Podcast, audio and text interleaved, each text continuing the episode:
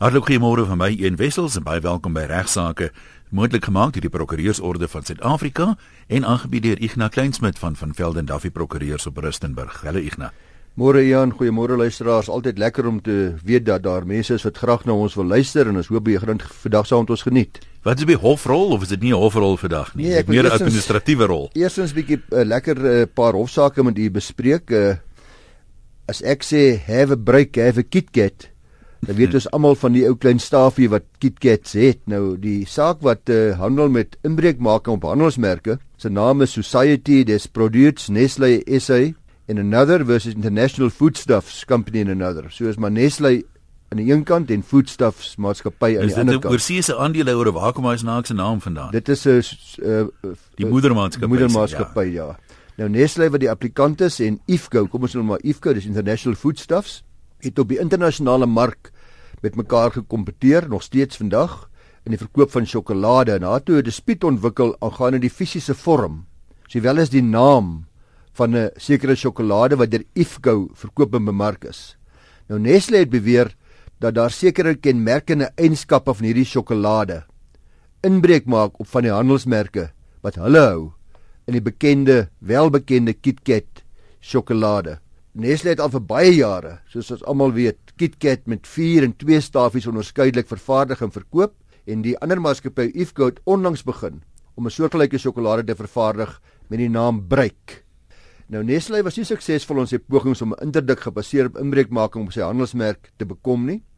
En Ifco was terselfdertyd ook onsuksesvol in sy teenaansoek om sekere vormhandelsmerke soos gevind in die KitKat sjokolade gehou deur Nestlé te laat verwyder. Sê dit mag nie so bestaan nie. Nou Ifco was ook nie suksesvol in 'n verdere aansoek wat hulle gebring het vir hersiening van die registrasie van hierdie handelsmerke nie. En elkeen van hierdie partye toe 'n nou verlof tot appel na die Hoogste Hof van Appel gekry. So almal het verloor nou appeleer almal gelyk na die hoogste hof van appel toe. Hierdie is appel of uitspraak en daarom baie belangrik. Ifco se appel is eerstens van die hand gewys. Die hof het daarop gewys dat Nestlé reeds vir 'n baie lang tyd, vir meer as 50 jaar regtig, KitKats bemark en verkoop in daardie spesifieke vorm, soos vervat in die handelsmerk wat destyds geregistreer is en uh, hulle gaan dus nie daardie registrasie hersien nie en uh, dit nie verwyder nie.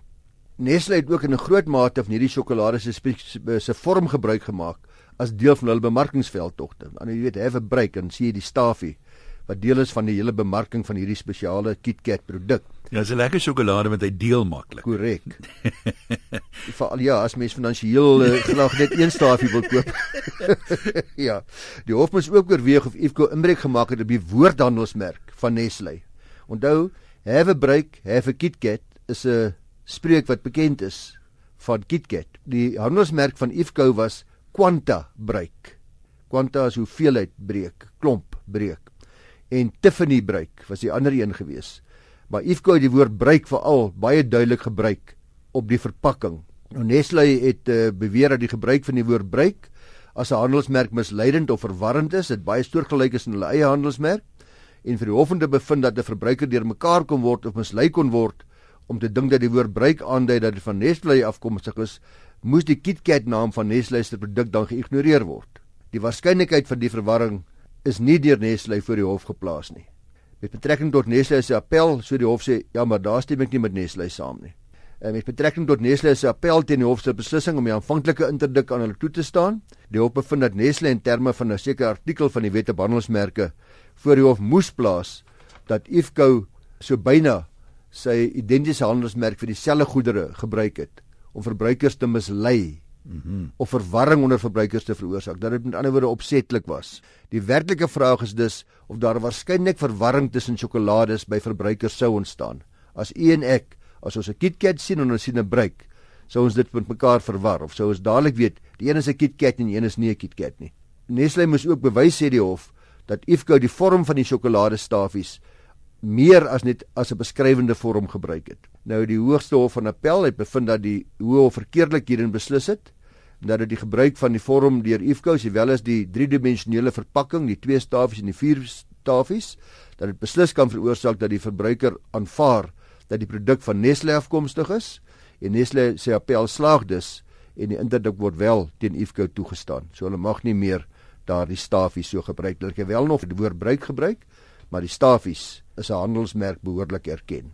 Dit kan seker redelik koste inhou want ek meen om die verpakkings te ontwikkel en so aan kos 'n paar rand gewoonlik en wat nou van die voorraad wat reeds die rakke is, moet dit gewoonlik dan verwyder word na so 'n hof. Ja, jy is 100% reg. Dit is 'n groot groot groot verlies vir hulle dit wat reeds nou gemaak is, moet onmiddellik verwyder word en mag nie meer bemark word nie. Jy sal onthou as dit onlangs ook gesels oor twee ander sjokolades wat ook baie dieselfde groot geveg ja. gehad het. Wel ek het gedog daar's genoeg sjokolade eeters dat die ouens nie hoef te beklei oor die goed nie. dan uh, kom ons bietjie kyk na die kontrakreg en formaliteite want hierdie saak het gehandel met die vraag of e-posse in die algemeen dieselfde regstatus sal geniet as dokumente wat op papier gedruk is en die gewone pen en papier handtekeninge. In Spring Forest Trading BK versus Wilbury Eienaars Beperk, verhandeldrywende as EcoWash, het Spring Forest Trading en Wilbury verskeie ooreenkomste aangegaan in terme waarvan Spring Forest Trading mobiele eenhede vanaf Wilbury sou huur om in sy motorwassery besigheid te gebruik. Die vraag was voor die hof was die geldigheid uh, van die kansellasie van 'n aantal van hierdie ooreenkomste bewyse van die uitruil van e-posse tussen die partye. So ons skryf mekaar nou e-posse waarin ons sê hierdie wyse gaan ons kanselleer uh, en hierdie ooreenkomste het klausules bevat wat voorsiening maak daarvoor dat die ooreenkomste slegs bewyse van 'n skriftelike ooreenkoms deur beide partye onderteken gekanselleer moes word. Nou is die vraag of hierdie e-pos voldoen aan hierdie bepaling dat dit skriftelik moet wees deur beide partye onderteken. Selfs slegs dan sal 'n kansellasie geldig wees. Spring Forest kon toe nie volhou met uh, voldoening van sy verpligtinge in terme van die ooreenkomste nie. Die partye te vergader, hulle het ooreengekom om nie die om die ooreenkomste te kanselleer mondelings en hierdie kansellasie sou na afloop van die vergadering bevestig in e-posse wat hulle wederzijds vir mekaar gestuur het. Uh en die partye se name het natuurlik ook onder aan hierdie e-posse verskyn. Spring Forest het daarna ooreenkoms met 'n ander entiteit aangegaan om dieselfde besigheid te bedryf, dieselfde tipe besigheid en toe Woolbury aansoek gedoen vir 'n interdik om daardie bedrywighede stop te sit op grond daarvan dat dit teenstrydig is met die ooreenkoms. Met ander woorde met die kansellasie ooreenkoms want hulle sê daar was 'n beperkingsklausule. Jy mag nie in oppositie met ons optree nie. Woolbury beweer dat die kansellasie per e-pos nie voldoen aan die klousules in die ooreenkomste wat bepaal dat geen wysiging geldig sal wees tensy dit op skrif gestel is nie. Uh, en Wilbury beweer ook verder dat slegs gevorderde elektroniese handtekeninge, soos omskryf in die artikel 13 van die Electronic Communications and Transaction Act, aanvaarbaar sal wees om aan hierdie vereistes te voldoen. So hulle twee verweer, hulle sê eerstens man, eerstens dit gaan nie geldig wees nie want die kontrak sê uitdruklik dit moet op skrif wees en albei partye onderteken wees. Tweedens, selfs al sê hulle dat dit was onderteken, sal mos daai ondertekening wees in terme van hierdie betok wet wat sê dit moet gevorderde elektroniese handtekeninge wees wat spesifiek beskryf word hoe dit moet gebeur in terme van die Electronic Communications and Transactions Act. Artikel 13 van daardie wet bepaal dat waar 'n handtekening deur wetgewing vereis word en die tipe handtekening nie gespesifiseer word nie, slegs 'n elektroniese handtekening voldoende sal wees. So Wilbury argumenteer dat hierdie artikel nie net verwys na handtekeninge wat deur wetgewing vereis word nie, soos die artikel spesifiek sê nie, maar ook handtekeninge wat deur partye tot 'n ooreenkoms verwys word. Deur die hof bevinde baie belangrik luisteraars dat 'n e-pos wel voldoen aan die vereistes dat wysigings op skrif aangebring moet word en verder ook dat die name van die partye soos dit onder aan die e-pos verskyn wel as 'n handtekening kan kwalifiseer.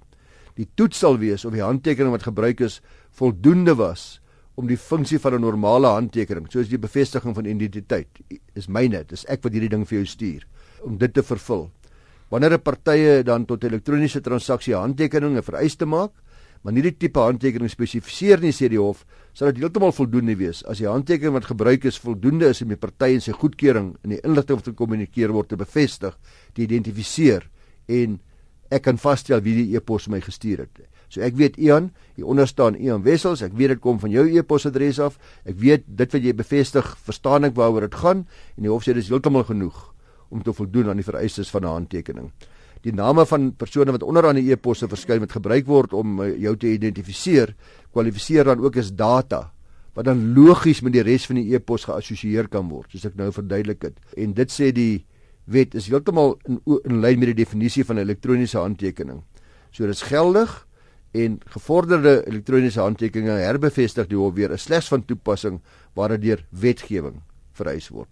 So die appel is gehandhaaf met koste, so ons moet almal maar weer daarvan kennis neem Ian dat e-posse is belangrike dokumente en jou jou jou die feit dat jy geïdentifiseer word as die afskrywer daarvan is dieselfde as of jy dit onderteken het. Die interessantheid van e-posse, ek is een van daai snaakse mense, ek weet nie wat nou van trouig of oudmodies is of wat die woord is nie, maar ek delete amper nooit 'n e-pos nie. En ek kan nie vir jou sê by verskillende plekke waar ek gewerk het, dit is partymal 'n jaar later, dan is daar een of ander dispuut, iemand wat gesê het maar so nou Nou is daar 'n stryery. Dan kom daai mense na my toe en sê: "Hoor jy, delete mos nooit 'n e-pos nie. Onthou jy nog destyds, dit was so Februarie laas jaar." Toe ons begin het met hierdie dinge dan gaan soek jy hom en baie keer dan kry jy daar by die ou, jy sê byvoorbeeld kan julle dit in rooi verskaf? Dan sê hy ja.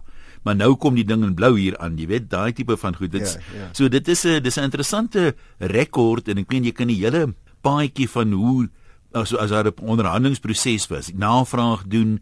Ek sien dit baie met my vertonings ook, jy weet ek hou al daai goed. Iemand doen navraag, dis wat ons wil hê, dis wat ons kan betaal. Ja, ons gaan vir jou reiskoste gee. En by ouens is dit maklik om al die goed bymekaar te hê want ek meen jy het dit nie andersins so bymekaar nie. En baie van die eposse ja, die stelsels is nou so, die goed is noodwendig bymekaar. Dis nie asof daar lê een en daar lê een nie. So dit maak dit baie makliker.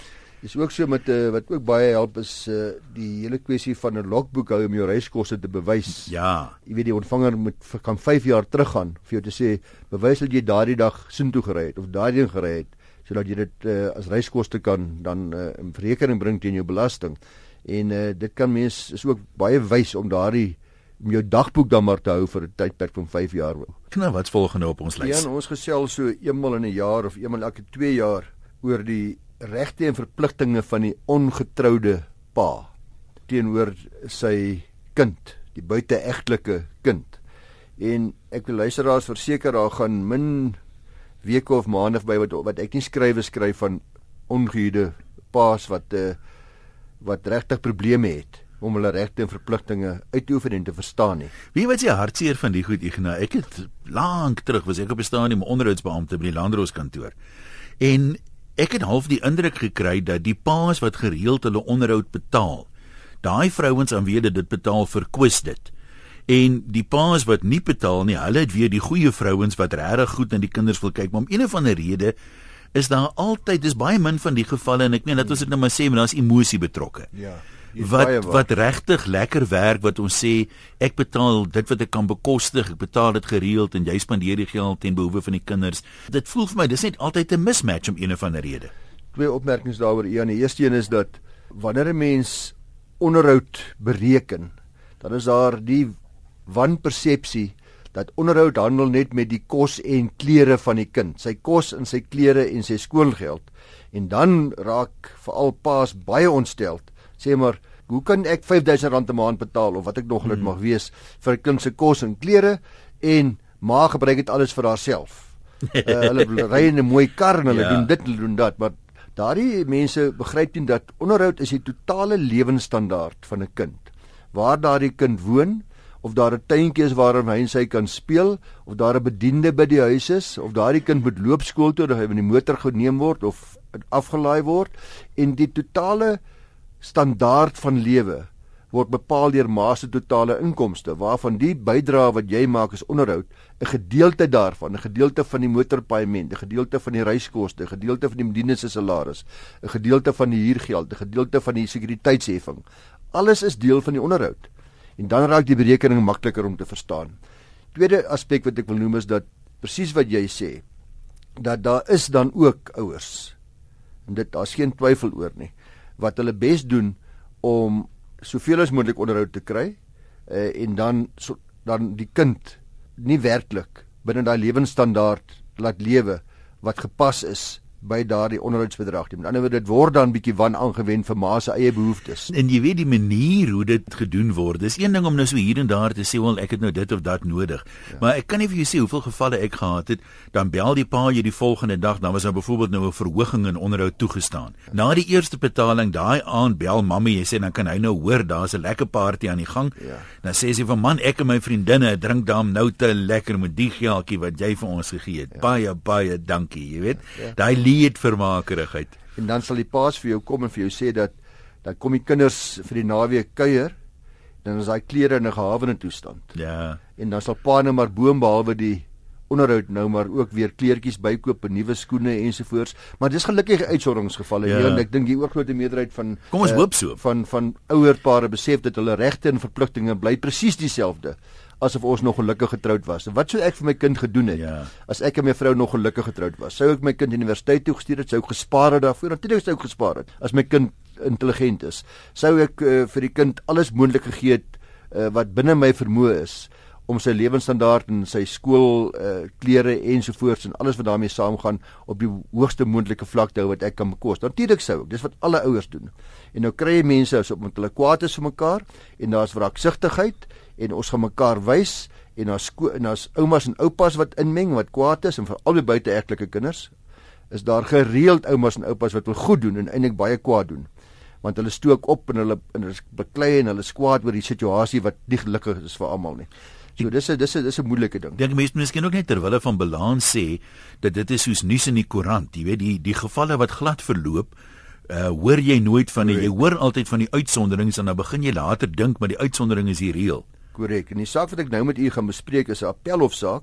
Dit handel met alles wat ek en u nou oor gesels het. Dit is KLVC versus SDE en ander en dis 'n saak wat in 2015 in ons hofverslag gerapporteer is.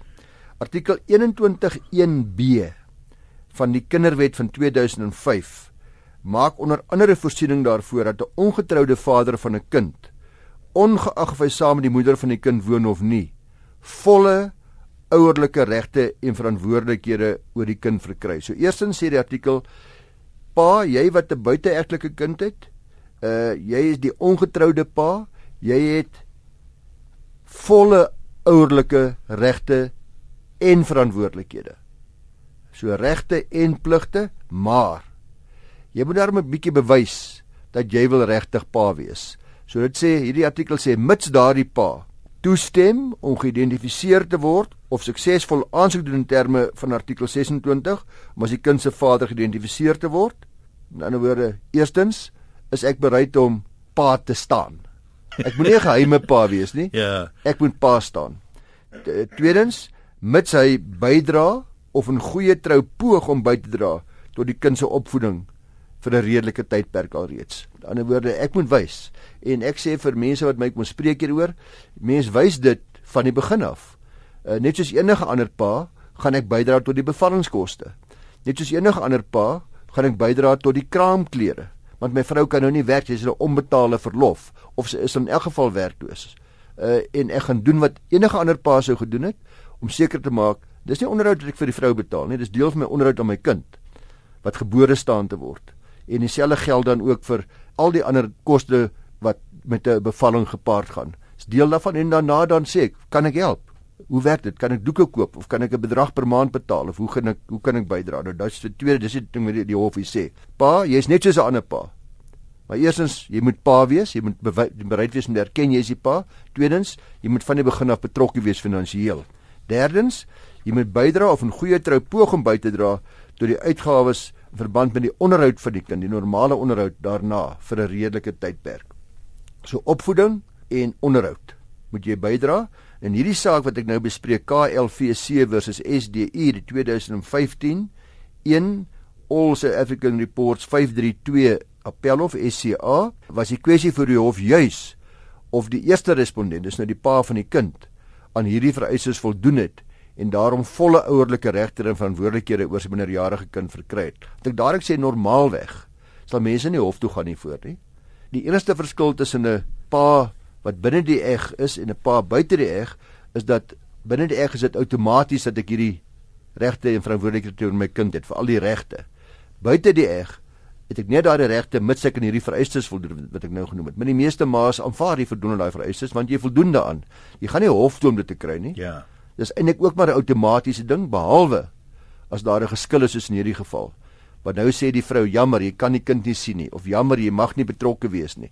En in hierdie geval is dit nou so 'n saak waar die hof moet bepaal of hierdie pa genoeg betrokke was by die kind om aan hierdie vereistes te voldoen om volle ouerlike verantwoordelikhede en regte te kry. Gedurende die respondent se eerste tydelike reis oor see, die applikant, dis die moeder van die kind, die kind geneem en getrek vanaf Durban na Engeland sonder om die pa te vra en ook sonder die magtiging van die hof. Pa het daarna aansoek gebring by die hof in Engeland om die moeder te dwing om die kind na Suid-Afrika terug te bring. Dis die eerste probleem wat hier was. Die Engelse hof kon nie bepaal of die kind onregmatig vanuit Suid-Afrika verwyder is nie en daarom die saak terugverwys na hierdie hof van Suid-Afrika. Die KwaZulu-Natalse afdeling van die Hoërhof het bevind dat die vader wel aan die vereistes van artikel 21 voldoen het en daarom volle ouerlike regte en verantwoordelikhede ten opsigte van die kind bekom het.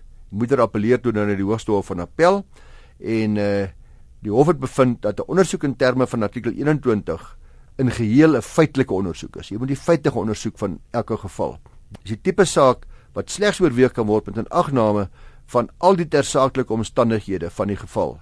'n Ongetroude vader het of ouerlike regte en verantwoordelikhede bekom of hy het nie. Daar's geen diskresie in die verband nie. Of die feite bepaal ja of die feite bepaal nee.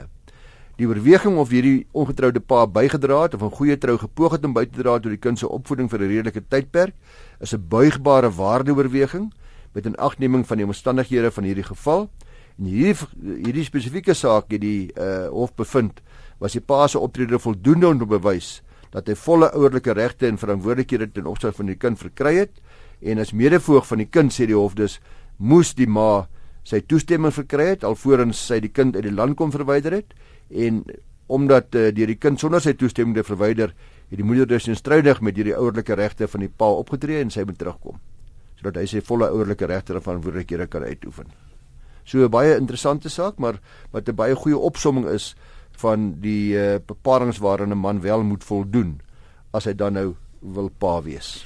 Die ander hartseer ding is, ek meen jare gelede was dit soort van die uitsondering, maar uh, ek weet nie of jy syfers daaroor het nie, maar ek sou raai as 'n mens nou skool byvoorbeeld kyk maklik die helfte van die kinders kom uit huise met 'n enkel ouer wat dit nie die gebruikelike ma en pa is lief vir mekaar tot die dood onskeiding is nie. Ja. So hierdie goed raak al hoe meer relevant.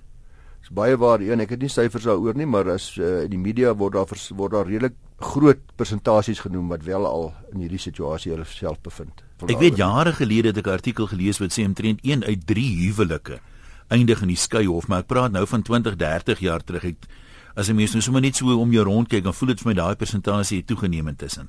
Ek dink ook so, is met my aanvoeling ook. Want as 'n mens kyk na gemeenskapswaardes, jy weet die jare gelede die stigma wat aan egskeiding gekleef het, is nie regtig dis daar meer daar nie. Mense skei eintlik gans te maklik.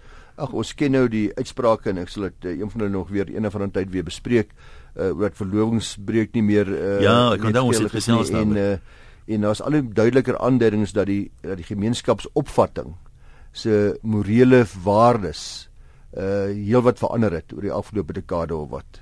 Ek dink nie ons gaan regtig tyd hê vir nog ietsie tensy jy baie kort is, so miskien moet ons hier halt roep en uh, dalk net weer mense nooi net vinnig 'n bietjie perspektief gee. Die program is nie daarop gemik om persoonlike regsadvies aan luisteraars te gee nie. Die idee is dat ons die publiek probeer opvoed aan die hand van voorbeelde. So jy's baie welkom ons jy wil hê ek moet oor iets praat of jou geval as 'n voorbeeld gebruik dan kan jy vir hom direk skryf. Sy e-posadres is igna igna@ffd.co.za. Maar ek net sommer namens hom sê want ek weet hy is baie oordentlik. Ek weet ek sien soms van die e-posse self van sê mense, jy weet jy moet nou dringend na my toe terugkom en is besig om my kar af te vat of wat ook al. Dat jy kan nie so betrokke raak op hierdie basis nie. Onthou dis nasionale radio. En dis nie dis net nie moontlik om almal gratis te help nie al wille mens graag. Ja, Ian baie dankie daarvoor. Dit is uh werklik nie dat mense nie wil help nie, soos jy reg sê. Uh, maar ek praktiseer nog. En jy doen pro bono werk in elk geval van tyd tot tyd, né? Korrek ja, en ek sê ook vir mense en ek bedoel dit regtig uit my hart het dat ek kry baie erkenning vir hierdie program, maar en ek moet die erkenning ook maar toekom aan uh, van Fellen Duffy se klomp jong prokureurs en PA's en kandidaat prokureurs en my mede-direkteure en uh, wat help met hierdie inligting en ook baie ander prokureurs wat inset te gee.